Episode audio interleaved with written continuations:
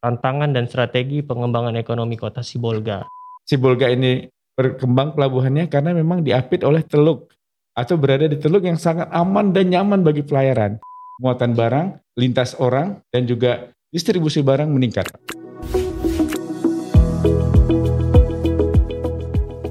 Mungkin ada yang belum kebahas nih. Nah, ini potensi ekspornya sendiri gimana betul, nih Pak untuk ekspor ke luar negeri? Nah, ini nah, dia, betul. Mungkin Pak Eri bisa lebih cerita nih. Saya dengar-dengar kan awal tahun kita udah ekspor perdana nih ke Betul. Nah, ini uh, ternyata uh, ya uh, Sibolga itu pelabuhan Sibolga yang dulunya perdagangan internasional lewat. Betul. Habis itu fee. Nah, ini kita mulai lagi tahun ini, Pak 2021 tepatnya di tanggal 19 eh, Februari kita laksanakan ekspor perdana dari pelabuhan Cibolga pasca diresmikan oleh Pak Jokowi. Ya, nah ini ternyata pelaku ekspornya ya, pelaku pemilik barangnya adalah Mujur Timber. Ya, satu industri yang cukup apa namanya eh, cukup lama di kawasan eh, Tapanuli Tengah ini ya, yang selama ini memanfaatkan jalur itu ke Belawan, Pak. Namun kali ini dia memakai jasa Pelabuhan Sibolga. Kenapa? Karena hanya tinggal 30 menit saja dia sampai. Kalau pelabuhan Buluan 10 jam dia harus tempuh untuk memakai eh, apa namanya menggunakan transportasi darat untuk sampai ke Belawan. Nah ini menandakan bahwa seperti Mas Fajar sampaikan jarak itu menjadi pertimbangan. Ya 30 menit saja Pak dari produksinya sampai ke Sibolga. Nah lalu yang eh, selanjutnya kita eh, sampaikan juga ekspor yang kedua itu terjadi di Juni 2021 ya itu lebih gede lagi pak. Itu langsung ekspornya ke Inggris pak. Ke uh, Tilbury Inggris dan juga Antwerp Belgium. Ya jadi dua kali dilakukan dan rencana triwulan 4 ini akan ada lagi dua kali lagi. Nah ini menandakan bahwa ada komoditi ya ada potensi dan tentu ada kesiapan kita. Mampu kita laksanakan ekspor itu bisa seperti itu. Tidak hanya ekspor namun juga ada impor apa itu? Aspal pak Aspal. Aspal. Ternyata aspal ini langsung dari Singapura. Tahun lalu dia bisa mencatat 10 call.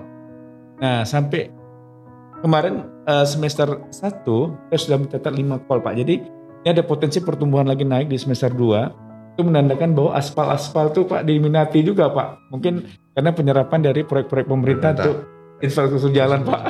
Dan memakai pintu si Bolgani untuk uh, distribusinya. Ini itu Mas Fajar. Nah, ternyata sudah ada impor juga nih Pak Aswin nih. Ya, berarti semakin lengkap nih peluang-peluang ini sebetulnya eh, sangat bisa dan sudah, sudah terlaksana gitu Pak. Tinggal kita apa namanya kita tingkatkan dari sisi apa kuantitasnya mungkin ya Pak strategi kuantitas dan frekuensinya juga. Frekuensi betul Pak. Jadi gini uh, tadi menarik ya. Jadi tentu sudah ada aktivitas yang dari domestik sendiri sudah ada uh, aktivitas ekspor domestiknya sudah iya, ada Ke mana tadi ekspor domestiknya ya? Uh, kita uh, kalau domestik itu uh, istilah kita adalah uh, muat pak. Jadi muat uh -huh. itu ke Jakarta, ke Jakarta. Teluk Bayur. Teluk Bayur. Nah, ada ya, Teluk Bayur ada, ada ya. Nah kalau ekspor internasionalnya itu adalah ke Inggris dan juga adik ya. Uh, Belgium. Belgium. Terus kemudian sudah ada dari kita kita bicara domestik dulu nih pak ya. iya, ya. Pak. Udah ekspor ekspornya ke Teluk Bayur, ekspor domestik ya gitu. Terus ada juga impor domestik dari Jakarta untuk konsumer iya, tadi ya. Nah itu. Nah, uh, sementara untuk ekspornya sendiri juga sudah ada ini ya uh, ekspor plywood ke plywood uh, ya. itu kemudian juga ada impor juga ke dari Eropa, uh, aspal. impor aspal tadi ya. Nah, ini apakah yang contohnya tadi Pak untuk yang ekspor impor itu menggunakan kapal yang sama atau kapal jenis yang berbeda nih Pak Pak Eri? Iya. Itu. Misalkan tadi ya uh, yang dari Jakarta itu yang barang-barang uh, consumer good yang yeah. masuk itu apa uh, itu juga keluarnya kosong atau bawa produk-produk yang uh, kita ekspor yang ke yeah. Bayur atau bagaimana itu Pak Arif? Nah jadi Pak kalau untuk kesiapan kapalnya nah. ya, jadi hmm. ada yang namanya kapal peti kemas Pak, container ship, ya container ship ya. Nah jadi uh, kapal container ship ini kebetulan dikelola oleh Tanto Team Lines ya, salah satu perusahaan shipping nasional ya dalam negeri yang mereka mengelola eh, lalu lintas pelayaran itu seminggu sekali ya mereka itu membawa barang-barang tambang untuk Martabe, Pak. Oh, barang tambang untuk industri emas di Martabe. Hmm, hmm, hmm. Dan itu harus dilakukan seminggu sekali wajib mandatori kan seperti itu. Jadi mereka mengangkut barang-barang tambang. fisik tuh ya, Pak. Betul, ya? Mas Fajar. Jadi peralatan fisik dan juga um, treatment-treatment tertentu untuk mengeksplorasi mineral-mineral dari tanah itu kan seperti itu. Nah itu dari Jakarta. Itu di, di dalam kontainer. Kontainer pak. Ya. Nah kontainer dan juga ada namanya isotank ya. Jadi barang-barang yang sifatnya harus penanganan khusus itu memang ada kayak tabung yang khusus di di apa namanya dibalut oleh besi-besi kontainer yang sangat kuat gitu ya. Nah itu yang masuk rutin kita seminggu sekali ya masuk. Nah ketika dia masuk membawa barang tambang, namun di kapal itu juga memuat barang-barang umum. Nah, barang apakah itu? Yaitu uh, consumer goods ya, ada Wings. Ya, nah ini Unilever kita mencoba tarik Pak. Ya, Wings itu consumer goods yang ternyata rutin Pak masuk ya. Namun kalau ada Unilever lagi lebih dahsyat lagi ya. Jadi ini menandakan bahwa penyerapan untuk barang-barang consumer goods di yang pantai barat ini ya itu cukup tinggi dan itu juga distribusi nanti ke Nias juga. Nah itu untuk container ship. Nah bagaimana dengan kapal yang ekspor ke luar negeri, ke Inggris tadi, itu namanya kapal break bulk pak, kapal yang non container, kapal oh. yang pakai muatan yang terbuka gitu pak. Ya. Jadi, nah itu ya. Eh, bukan pak, dia kapal eh, yang tidak pakai kontainer, namun bisa dibuka palkanya, ditaruh barangnya di dalam, ditutup palkanya, langsung jalan ke Eropa.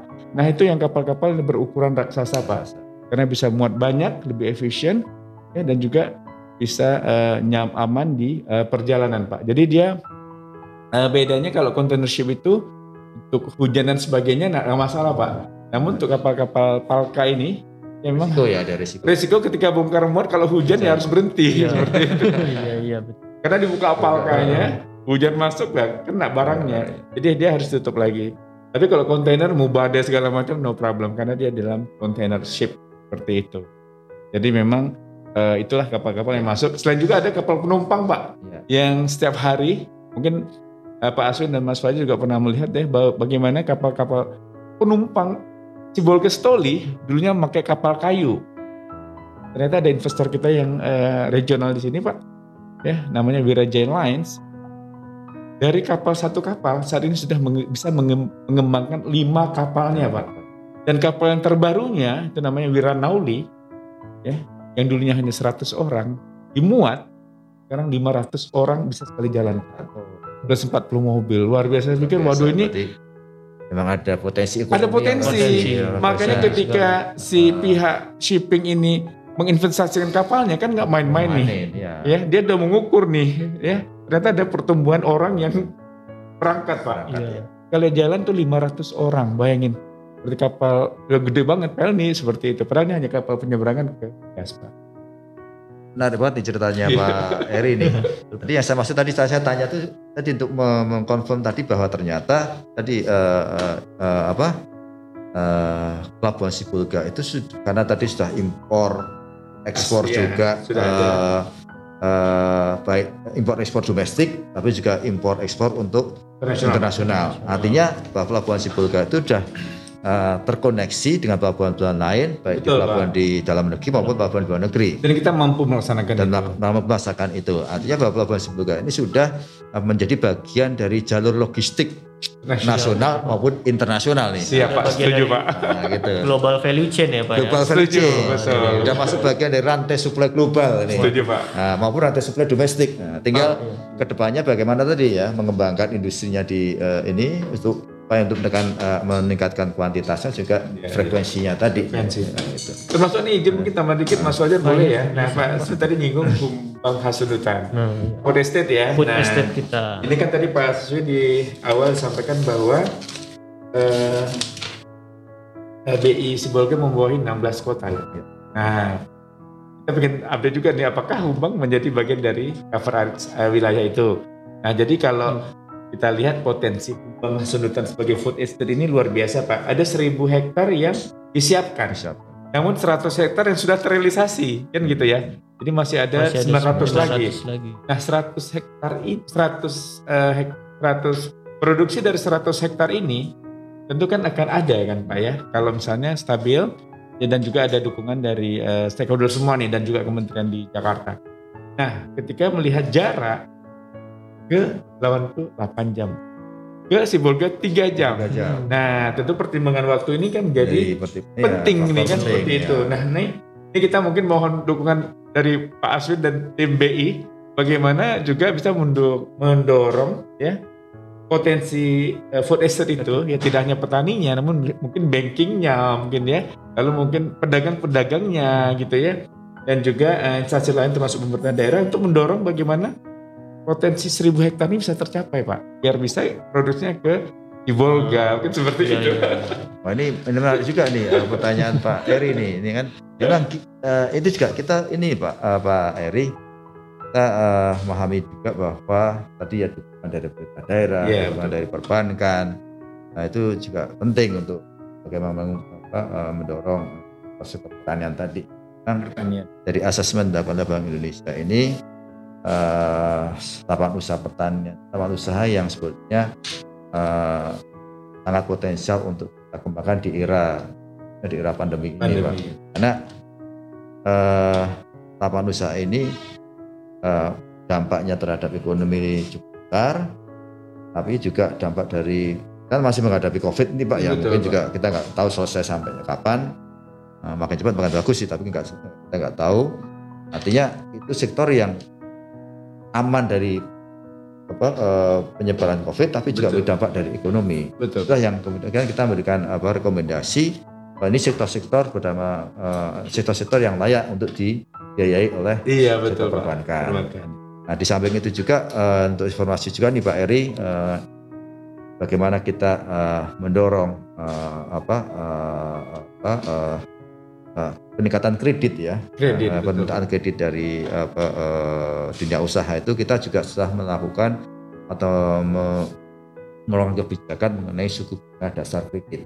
Jadi bagaimana transparansi suku bunga dasar kredit perbankan itu agak transparan dalam penentuan suku bunga dasar kredit. Nah, suku bunga dasar kredit itu akan mempengaruhi nanti suku bunga kredit yang diberikan kepada iya, pelaku betul. usaha. Insentifnya lah pak ya. Nah, ya itu kita bukan insentif tapi oh, bagaimana Kemudahan. perbankan itu bisa menurunkan hubungannya Suku bunga, betul. sehingga lebih uh, uh, apa lebih bisa mendorong ya, usaha untuk melakukan kegiatan betul. usaha.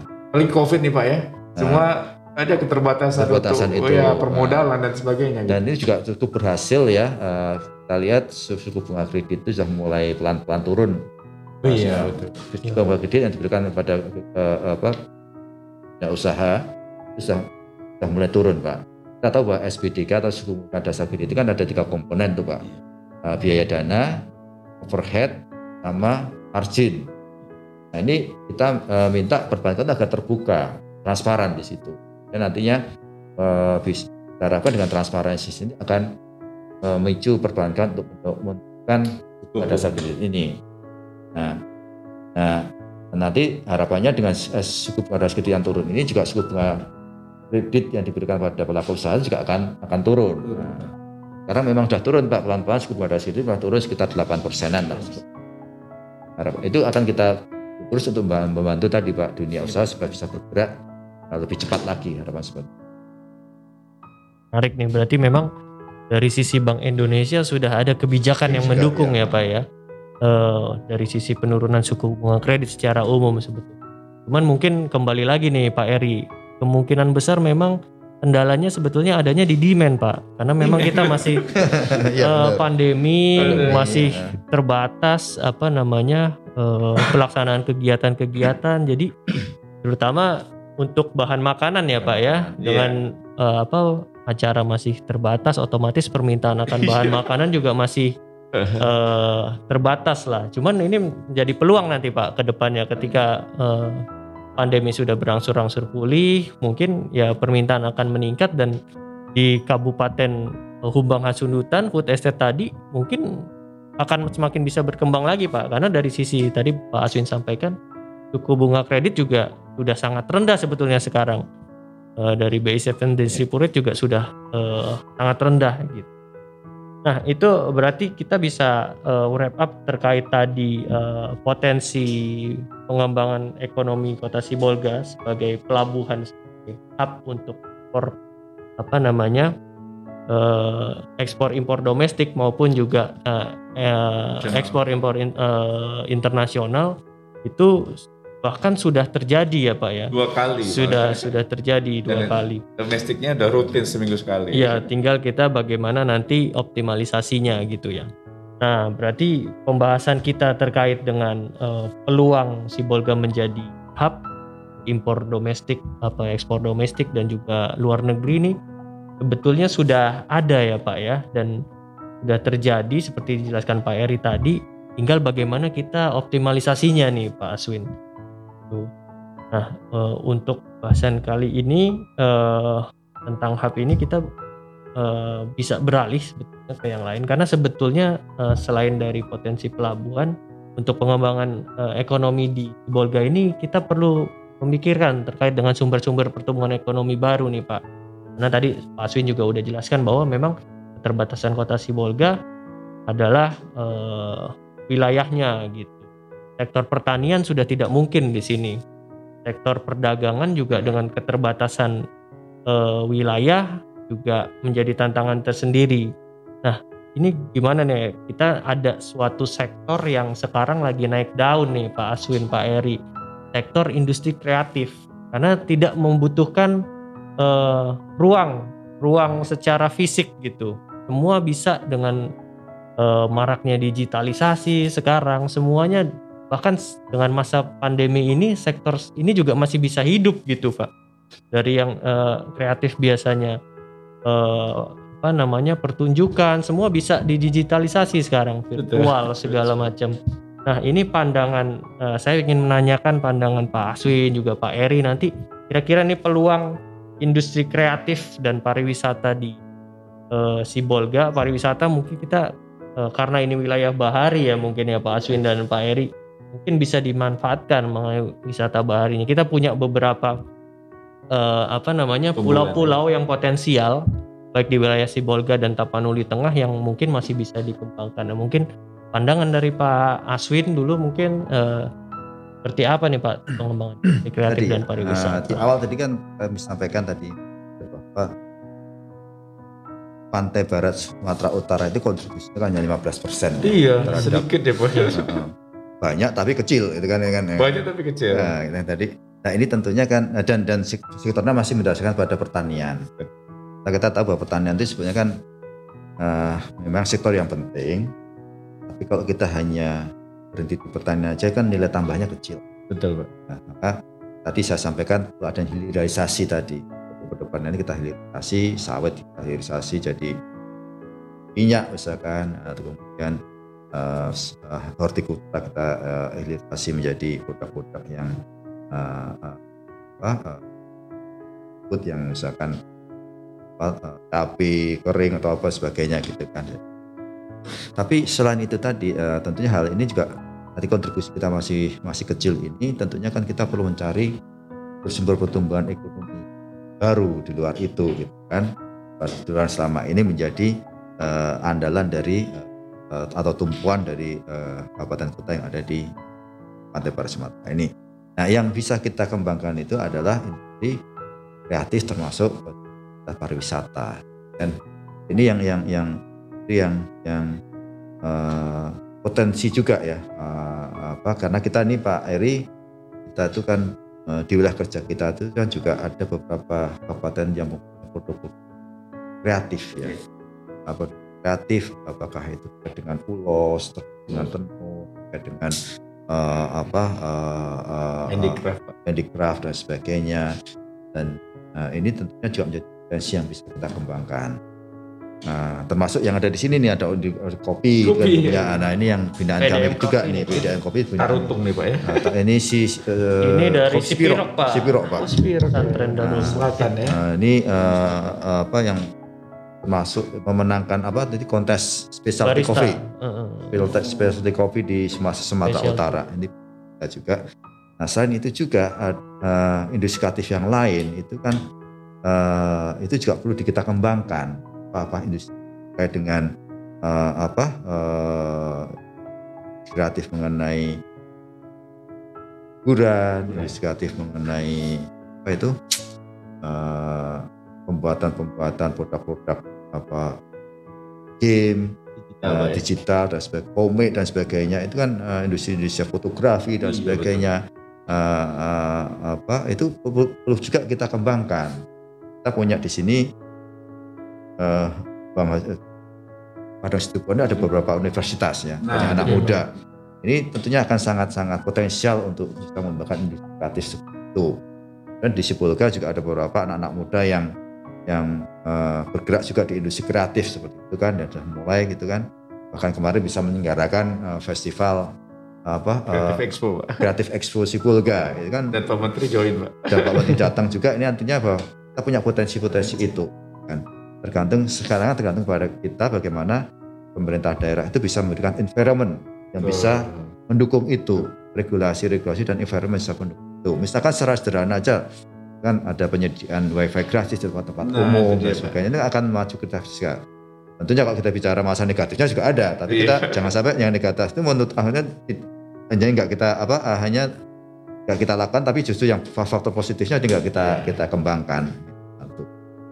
Itu terkait dengan indikatif. Dan yang yang saya tanya itu ada terkait dengan bagaimana potensi potensi alam kita itu bisa kita jual, ya kan itu. Itu mulai pariwisata. Tadi kan uh, kami berpikir begini Pak Eri, uh, uh, kita di dekat tetangga kita, bahkan di wilayah kerja kita tuh ada lima kabupaten kota yeah. yang langsung bersinggungan dengan Danau Toba. Oh iya. Dari uh, Humpang Asindutan, dan Tapanuli Utara, Tapanuli, yang Toba ya, Toba. Toba, Pak. Toba Utara, Huba. Samosir. Toba Samus. Ya, Toba, Toba dan Samosir. Dairi juga, Pak. Dairi itu wilayah kerjanya Medan, Medan. Pak. Oh, lain ya. Nah, itu satu lagi apa ya lima kali? Toba eh Malungun, Pak. Ya, masuk. Toba, Samosir, Humbahas, Tapanuli Utara. Asal enggak ya? Samosir ada. Uh, empat, empat, ya? empat, Pak. Empat, empat, berbatasan dengan Danau nah, Toba. Empat yang berbatasan dengan dari delapan kabupaten kota nggak salah ya? Iya. Separuhnya tuh di wilayah kerja uh, di pantai barat ini Pak. Nah, luar biasa Pak. Ini kan ada potensi-potensi wisata yang uh, yang bisa kita tarik manfaatnya untuk membangun wilayah lain di yang luar Toba ini. Kita tahu bahwa Danau Toba ini menjadi daerah atau apa destinasi, destinasi super wisata tidak hanya prioritas tapi super, super prioritas. Super prioritas. Nah, nah, pastinya kan nanti dengan ini akan ke depan itu akan berkembang ini. Wisata ini akan berkembang uh, dan tentunya pasti akan memberikan imbas juga kepada daerah-daerah sekitarnya, Pak, termasuk Bulga. Ya. itu. Itu dari segi jasanya ya, Pak ya, jasa pariwisatanya. Sementara si Bulga sendiri kan punya keunggulan juga, Pak kita punya pantai yang indah, ya. kita punya pulau-pulau yang indah, ya kan kita punya wisata religi, ya, wisata kuliner, bahkan kotanya itu seperti Pineng, ya kan, nah, kan seperti seperti Pineng kan. Nah ini potensi-potensi yang bisa kita garap, gitu kan. Perlu kita garap. Nah, tadi kita juga punya gedung-gedung yang vintage gitu ya Pak ya, yang bisa kita uh, percantik sehingga bisa uh, seperti Pineng lah seperti. Nah ini potensi-potensi yang bisa kita uh, kita garap untuk tadi. Nah, tentunya pada saat uh, pariwisata bisa tumbuh nanti kan juga ini akan akan mendorong juga kebutuhan barang dan jasa kan tidak hanya satu juga barang-barang. Nah, ini barang-barang juga akan menghidupkan nanti pelabuhan tadi, Pak. Nah, gitu kan kebutuhan barang consumer food pasti akan meningkat dan tentunya uh, akan meningkatkan traffic dari uh, uh, uh, pelabuhan kan juga. Tapi selain itu juga uh, dengan kita menjadikan uh, Sibuka hanya dengan seperti itu kan bagaimana kita bisa menjadikan Golkar dengan keunggulan-keunggulan itu menjadi hub pariwisata juga Pak. Kita juga uh, di laut kita juga punya laut yang indah tentunya nanti bisa dikembangkan menjadi wisata bahari misalkan seperti itu ya kan. Nah, kalau uh, Bapak Dirut Perindo satu itu apa uh, cruise apa namanya? Cruise uh, ini Pak uh, apa itu? Uh, expe, expe, expe, uh, expedition expedition cruise nah expedition. seperti itu itu juga bisa jadi suatu pemikiran-pemikiran yang bagus ya tadi seperti itu. Nah ini juga potensi wisata ini juga eh, bisa didukung dengan tadi Pak keberadaan tadi eh, apa lapangan terbang. Yeah. Kita iya. punya lapangan terbang eh, Pinasori. Nah ini eh, ini juga memiliki satu faktor pendukung yang bisa menjadikan eh, eh, eh, apa Bulga itu menjadi hubnya pariwisata. Jadi orang yang dari Bulga dari Toba nanti langsung datangnya ke Sibulga ya kan next next wisatanya kemudian ke Sibolga. Nah, dari Sibolga ini baru range dia mau ke Nias. Nias juga pantai-pantai banyak yang indah. dan di, di sepanjang di sekitar Teluk Sipulga juga banyak pulau-pulau yang indah itu bisa di arrange di Sipulga. Kalau orang mau wisata uh, wisata religi bisa ke Barus, ya kan? wisata sejarah bisa ke Barus, ke Sipulga juga bisa. Nah ini bisa dijadikan hub tadi Pak. Tapi tentunya tadi itu uh, kalau kita bicara mengenai pariwisata kan kita bicara mengenai orang. Orang. Nah pada kita bicara orang, kita mengenai akses bagaimana untuk sampai ke Sipulga dengan mudah, gitu iya, kan Pak. Nah ini kan juga uh, sudah ada pelabuhannya, tapi ini juga perlu didukung dengan pelabuhan lautnya sudah ada, perlu dengan uh, selain nanti perjalanan darat juga didukung dengan pelabuhan udara. Yeah. Nah persoalannya adalah di pelabuhan udara ini kan uh, masih di dari pesawat-pesawat kecil ya Pak ya. Nah ini perlu juga dipikirkan nih bagaimana uh, nanti pemerintah daerah di sekitar uh, uh, dan juga Tapanuli Tengah ini bagaimana bisa mengembangkan pelabuhan udara yang bisa didarati pesawat besar uh, yang bisa nah, hanya akan meningkatkan traffic dari Jakarta ke atau dari Jawa ke ke, ke Sibulga nah, langsung gitu ini akan jadi potensi yang yang sangat besar saya pikir Kira-kira itu Pak uh, Pak Fajar Wah, bayangan menarik saya banget nih itu. Pak. Berarti kata kuncinya tadi yang saya tangkap akses, di pariwisata ya. ya akses kita harus bisa memanfaatkan uh, perkembangan daerah-daerah wisata, yang di, DPSP Danau Toba ya Pak ya. Uh, supaya kata kuncinya adalah berarti bagaimana integrasi destinasi wisata. destinasi wisata kita dengan destinasi wisata di wilayah Toba dan bagaimana juga tadi peran pentingnya uh, peningkatan bandar udara ya Pak ya, ya sebagai pintu masuk, masuk. bagi yang uh, ingin berkunjung misalnya ke Danau Toba jadi alternatif dari Silangit lah Pak ya jadi betul. bisa masuk dulu ini ya untuk uh, menikmati destinasi wisata yang dari sini baru nanti ke Danau Toba. Bagaimana integ karena nah, itu di uh, transportasi udara sangat penting Pak. Kita lihat di contoh kasusnya misalnya Bangka Belitung ya. Kan wisatanya bahkan sektor wisata sudah mulai COVID ya ini ya. Jadi sektor yang penting setelah pertambangan ya. Banyak orang yang karena isu lingkungan kemudian shifting dari tambang, menjadi pelaku uh, di turisme gitu kan.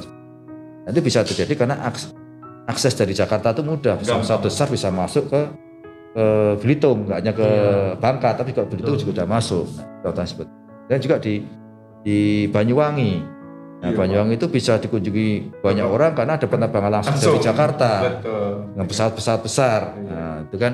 Nah, ini yang yang perlu dipikirkan bagaimana nanti Pinang Sori itu bisa uh, uh, bisa menampung pesawat-pesawat di pintu itu. masuk wisatawan pintu lah Pak ya, ya sama domestik. Nah, kalau dari Pak Eri nih Pak, ya. mana nih Pak pandangan Bapak terkait dengan pariwisata dan ekraf ini kita? Siap. Luar biasa dari Pak Aswin ini udah apa namanya membuka cekrawala kita nih. Nah, jadi Uh, ini kami akan sampaikan Pak ya mengenai Pelindo dan juga tourism. Nah ini ada dua aspek nih Pak. Pertama ya, 2019 Pak Jokowi hadir. Nah, beliau meresmikan penataan pengembangan Pelabuhan Sibolga. Nah, beliau dalam pidatonya menyampaikan bahwa penataan ini, pengembangan ini tidak hanya untuk komoditas, barang, jasa, dan orang, namun juga pengembangan wisata. Nah, itu dia. Jadi memang Pak Jokowi langsung menyatakan bahwa tidak hanya untuk aktivitas ekonomi, namun hmm. juga pariwisata juga harus naik kan seperti itu. Luar biasa ada integrated. Iya betul. Ya, nah ini ada rekamannya di ya. waktu itu di Metro TV nanti kita bisa ya. dengar. Jadi nah itu beliau harapannya begitu ya. Nah tentu harapannya kita harus eksekusi Pak. Ya. ya. Untuk ekonominya sudah Pak. Nah kan tinggal turismenya. Nah, nah itu yang pertama. Nah yang kedua Nah ini menarik Pak. Nah ini sangat menarik karena apa? Kementerian Perhubungan baru mengeluarkan rilis terbaru ya mengenai ketentuan regulasi tentang kepelabuhanan. Nah ini baru keluar uh, banget Pak Juni 2021 yang hmm. bulan ya. Jadi itu PM 50 ya peraturan Menteri Perhubungan nomor 50 tahun 2021. Jadi disebutkan fungsi pelabuhan itu adalah apa ya? Kalau dulu kan hanya untuk aktivitas barang ekonomi, bla bla bla. Nah, 2021 ditambahkan Pak. Jadi ada sampai dengan poin P. P itu adalah pelabuhan sebagai tempat penyelenggaraan pariwisata dan rekreasi. Ya, itu dia. Jadi kita bisa bangun hotel, kita bisa bangun tempat wisata, hmm. ya, dan juga bisa bangun fasilitas lainnya. Nah ini tentu harus menyesuaikan dengan regulasi IMO, regulasi uh, eh, ISPS ya, International Shipport and Security. Jadi ada ketentuan-ketentuan di pelabuhan yang ada daerah-daerah restricted area yang orang nggak boleh masuk. Nah, orang nggak boleh beraktivitas. Okay. Nah, namun di Bolga ini Pak Presiden Pak Jokowi kan disampaikan bahwa ini untuk pariwisata. Kebetulan kita dapat terminal pelabuhan yang modern. Ya seperti Pak Presiden sampaikan, modern nih. Dan juga ternyata waktu 2018 Pak menyabet penghargaan terbaik se-Asia Pasifik pula kan wow. seperti itu. Jadi ya, sebagai Build Integrated Modeling Pak, modeling. ya kategori itu ya Pelabuhan Sibolga mengalahkan GWK. Jadi saya pun kaget juga ternyata kok dari sisi kategori itu kita dapat yang terbaik. Nah ini kan modal. Nah ini modal. Nah itu dua aspek tadi. Nah lalu kalau kita kembangkan dengan atau kolaborasi dengan eh, kebijakan Kementerian Pariwisata. Nah ini ada yang sangat sinkron Pak.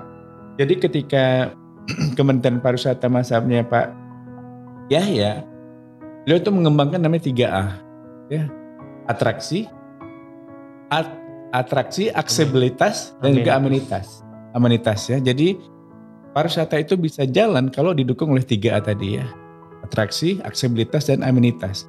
Atraksi itu apa? Kegiatan.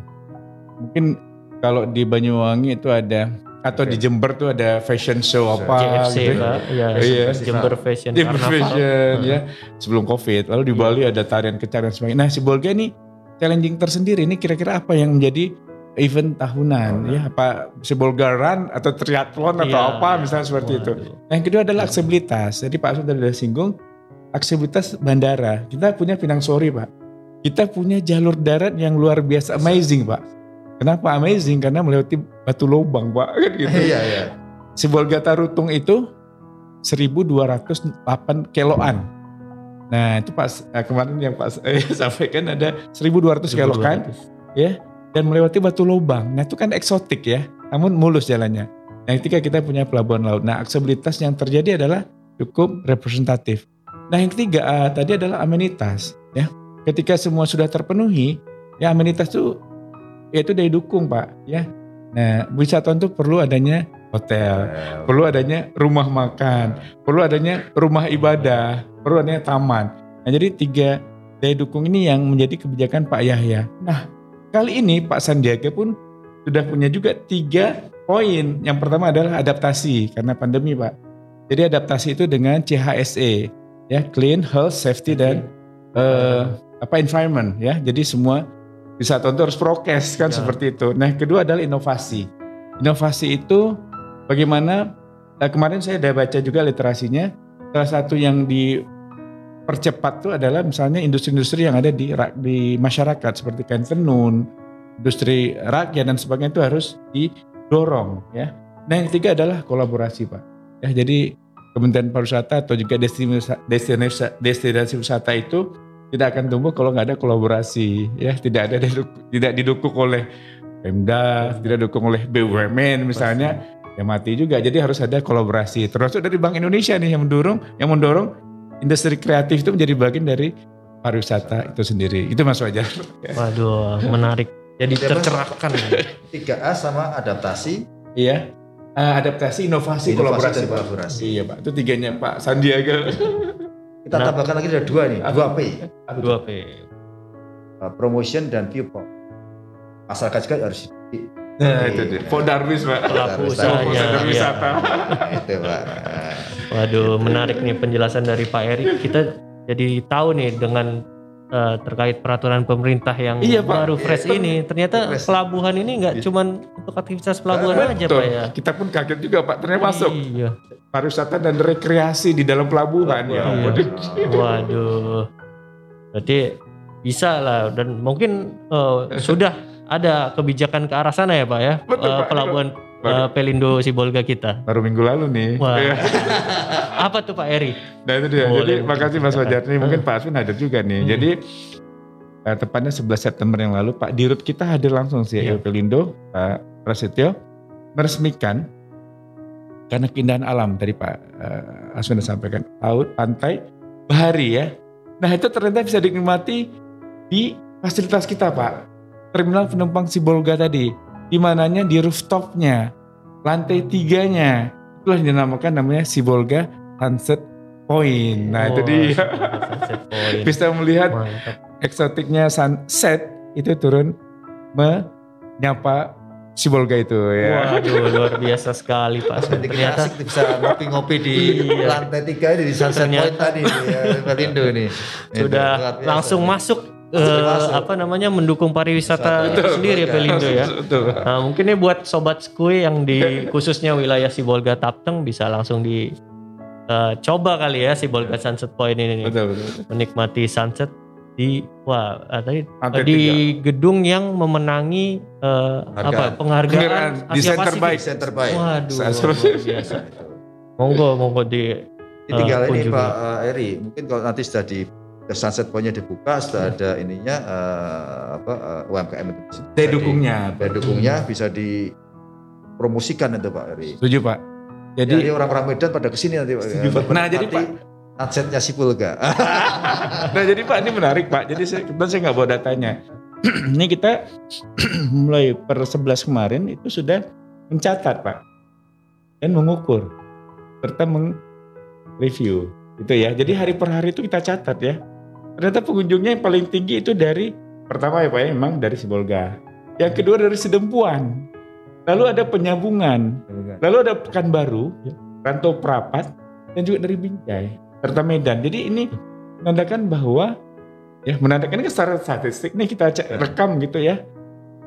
Ternyata dari luar kota, ternyata tidak hanya si Bolga saja loh. Jadi luar itu juga ingin tertarik dan ingin tahu apa sih itu kan gitu. Nah jadi ini yang kita rekam selama seminggu ini ya puncak tertinggi itu di Sabtu dan Minggu ya di weekend. Ya jadi mereka di Sabtu Minggu kemarin naik dua bus pak dari Sedempuan kan gitu ya. Jadi wah saya pikir waduh ternyata saya pikir Sibolga aja nih. Rupanya masyarakat di luar Sibolga tertarik dan juga ingin menikmati. Nah jadi memang ketika pengunjung itu datang, kita perlu didukung Pak. Apa itu? UMKM. Apa itu? Ya kuliner-kuliner. Nah dari UMKM yang kita eh, ajak dan juga ajak kolabor- kolaborasi. Mungkin gitu maksudnya. Oh, ini saya tertarik. Oh, Boleh saya usul nih Pak Eri. Iya coba. Eh, bagaimana nanti eh, wisata apa di Sunset Point itu tadi Iya ya, siapa? itu yang yang dilakukan oleh si Pelindo itu bisa menjadi role model Oh Pak. siapa itu? role model bagaimana eh, satu objek wisata itu dikelola secara profesional Ya, Pak. ya tadi Pak eh, me- mengedepankan aspek tadi ya eh, tadi apa eh, kebersihan Iya, CHSE. CHSE Nah, itu itu eh, terus kemudian ya bagaimana kita membuat tempat wisata itu membuat benar bebas dari sampah. Setuju Pak, Nah, betul. Terus mungkin juga eh, nanti kita usul juga Pak, gimana transaksinya juga kita pakai non tunai Pak. Nah, Wah, gitu, itu Pak. Kita dia. quest masuk di situ Pak. Setuju Pak, Gitu. luar biasa. Nah, Ini kan zamannya milenial Pak. Milenial lah, Betul. gitu kan. Kayaknya anak-anak milenial tuh nggak mau buat ribet-ribet uang banyak. uang, gitu kan, semua uangnya di HP-nya dia. Gitu kan. Nah, ini Setuju, Pak, siap. itu. Jadi saya kepingin mimpi nih Pak, bagaimana Iya. nanti Pelindo itu dengan ke keindah lokasi yang sangat indah itu dan ternyata tadi bisa menarik itu Iya. jadi model bagaimana mengembangkan mengembangkan tempat wisata di sebuah yang Yang digital Pak ya. yang, yang yang apa ya berkelas lah pak Ah, gitu pak supaya nanti yang lain pada niru pak gitu betul kan. pak, Nah, betul pak. Ini saya setuju pak. Nah, Jadi gitu. nanti kita, waduh ini luar biasa. Jadi ini baru terbuka juga nih Nah. apa eh, apa namanya? jadi eh, tidak mengejar sorry mas update tidak mengejar kua- kuantitas saja tapi juga Betul. perlu kualitas kualitas pak, Nah, benar. gitu. Dan juga tentu ini bagian dari peradaban kan gitu ya. Nah, Orang makin canggih itu makin berkelas kan gitu ya iya, iya gitu kan jadi fasilitasnya udah berkelas Iya nanti bagaimana menjaga tempatnya tetap terus berkelas bersih rapi Iya. ya ah, gitu nah itu eh, terus nanti juga eh, nggak ada sampah di mana-mana nah itu itu kan itu, Nah. itu bagus sekali kalau bisa Dan kami juga nanti ingin mengembangkan yang namanya transaksi elektronik. Nah, gitu, itu tadi ya. hasilnya Di- elektronik. KRS atau apa digital gitu seperti itu. Jadi kami siap dukung Pak yang eh, elektroniknya tadi Pak itu. bisa berlanjut sinergi Bisa berlanjut. kita ya Pak ya di bidang sistem pembayaran dan untuk mendukung pariwisata Sibolga juga. Nah izin ya kayak saya coba me-wrap up dari eh, podcast kita episode kali ini eh, mengenai gimana strategi mendorong perekonomian kota Sibolga. Berarti tadi secara umum eh, strategi untuk menjadikan Sibolga menjadi hub untuk wilayah-wilayah di sekitarnya itu sangat terbuka dan bahkan sudah mulai berjalan ya Pak ya. Bagaimana kita menjadi hub untuk ekspor impor domestik maupun luar negeri itu sudah berjalan seperti yang tadi disampaikan oleh Pak Eri. Eh, sudah ada eh, untuk eh, ekspor langsung ke luar negeri dan juga uh, apa namanya potensi-potensi uh, nanti uh, impor dari luar negeri juga sudah ada, impor domestik juga sudah masuk ya Pak. Tinggal bagaimana nanti strateginya kita meningkatkan atau mengoptimalisasi uh, traffic ini, terutama tadi mungkin juga dengan kerjasama dengan uh, pemerintah daerah sekitar untuk mengembangkan fasilitas-fasilitas pendukung pelabuhan ya Pak ya. Dan juga selain uh, menjadi hub juga tadi uh, ada peluang untuk mengembangkan uh, industri kreatif dan pariwisata tadi dan kita juga kaget ternyata sudah dijalankan juga nih oleh uh, Pelindo gitu untuk mendukung uh, uh, pariwisata khususnya sektor bahari. Dan tadi uh, dari Pak Aswin kita mencatat uh, untuk sektor pariwisata perlunya untuk uh, Sibolga menangkap peluang untuk mengintegrasikan destinasi wisata dengan destinasi yang sudah menjadi prioritas pemerintah pusat ya Pak ya. Karena lokasi kita dekat bagaimana caranya kita menggrab wisatawan-wisatawan yang uh, ke Danau Toba agar juga mau uh, mencicipi destinasi wisata yang ada di wilayah Tibolga ada pantai barat uh, Sumatera Utara ini. Nah, mungkin kira-kira uh, itu sobat skui sekalian yang dapat kita petik dari diskusi kita uh, di podcast Sekui episode 3 ini benar bersama dengan uh, narasumber yang spesial. Uh, mungkin kita harus uh, mengakhiri juga nih Pak Aswin, Pak Eri sekali lagi saya ucapkan terima kasih atas Mas. kesediaannya Pak Eri terutama Pak Aswin uh, dalam diskusi kita yang ya semoga dapat uh, membangun lah ya dari dari diskusi ini juga bisa menjadi uh, bahan pemikiran nanti buat stakeholder lainnya untuk membangun uh, perekonomian khususnya di wilayah Sipolga maupun di pantai barat Sumatera Utara. Baca sebelum ditutup nih. Ah. boleh nyampaikan pantun nih Pak. Oh ya, monggo Pak. Kita, kita sama di sini kan bermimpi ya. Betul. Bermimpi untuk menjadikan Sipolga itu menjadi hub uh, tidak hanya perdagangan tapi juga hub pariwisata. Ya. Iya, ya, betul Pak Asmin. Nah, untuk mewujudkan Sipolga yang wow yang amazing amazing ya, nah, maka saya ingin apa uh, apa sebelum kita tutup ini saya ingin menyampaikan pantun ini wow mantap nah, turun ke lembah naik ke bukit. Pergi melaut ikan dijaring. Ayo dukung Sipulga jadi bangkit demi Sipulga kota amazing. Amazing semoga. Amazing semoga. Ditutup dengan pantun. Ya jadi gitu Sobat Skui sekalian. Semoga uh, podcast Skui episode 3 ini dapat bermanfaat bagi kita semua dan bermanfaat juga khususnya bagi Ibolga dan wilayah di Pantai Barat Sumatera Utara. Nah uh, sampai jumpa Sobat Skui di next episode. Tetap jaga protokol kesehatan dan karena tadi sudah ditutup uh, oleh pantun oleh Pak Aswin, saya juga mau ada sedikit pantun nih. Waduh, ada balas pantun nih Pak. Sibolga menjaring ikan. Cakep. Ikan dibakar menggunakan kayu. Cakep. Sampai jumpa Sobat Skui sekalian. Salam sehat selalu. Wow.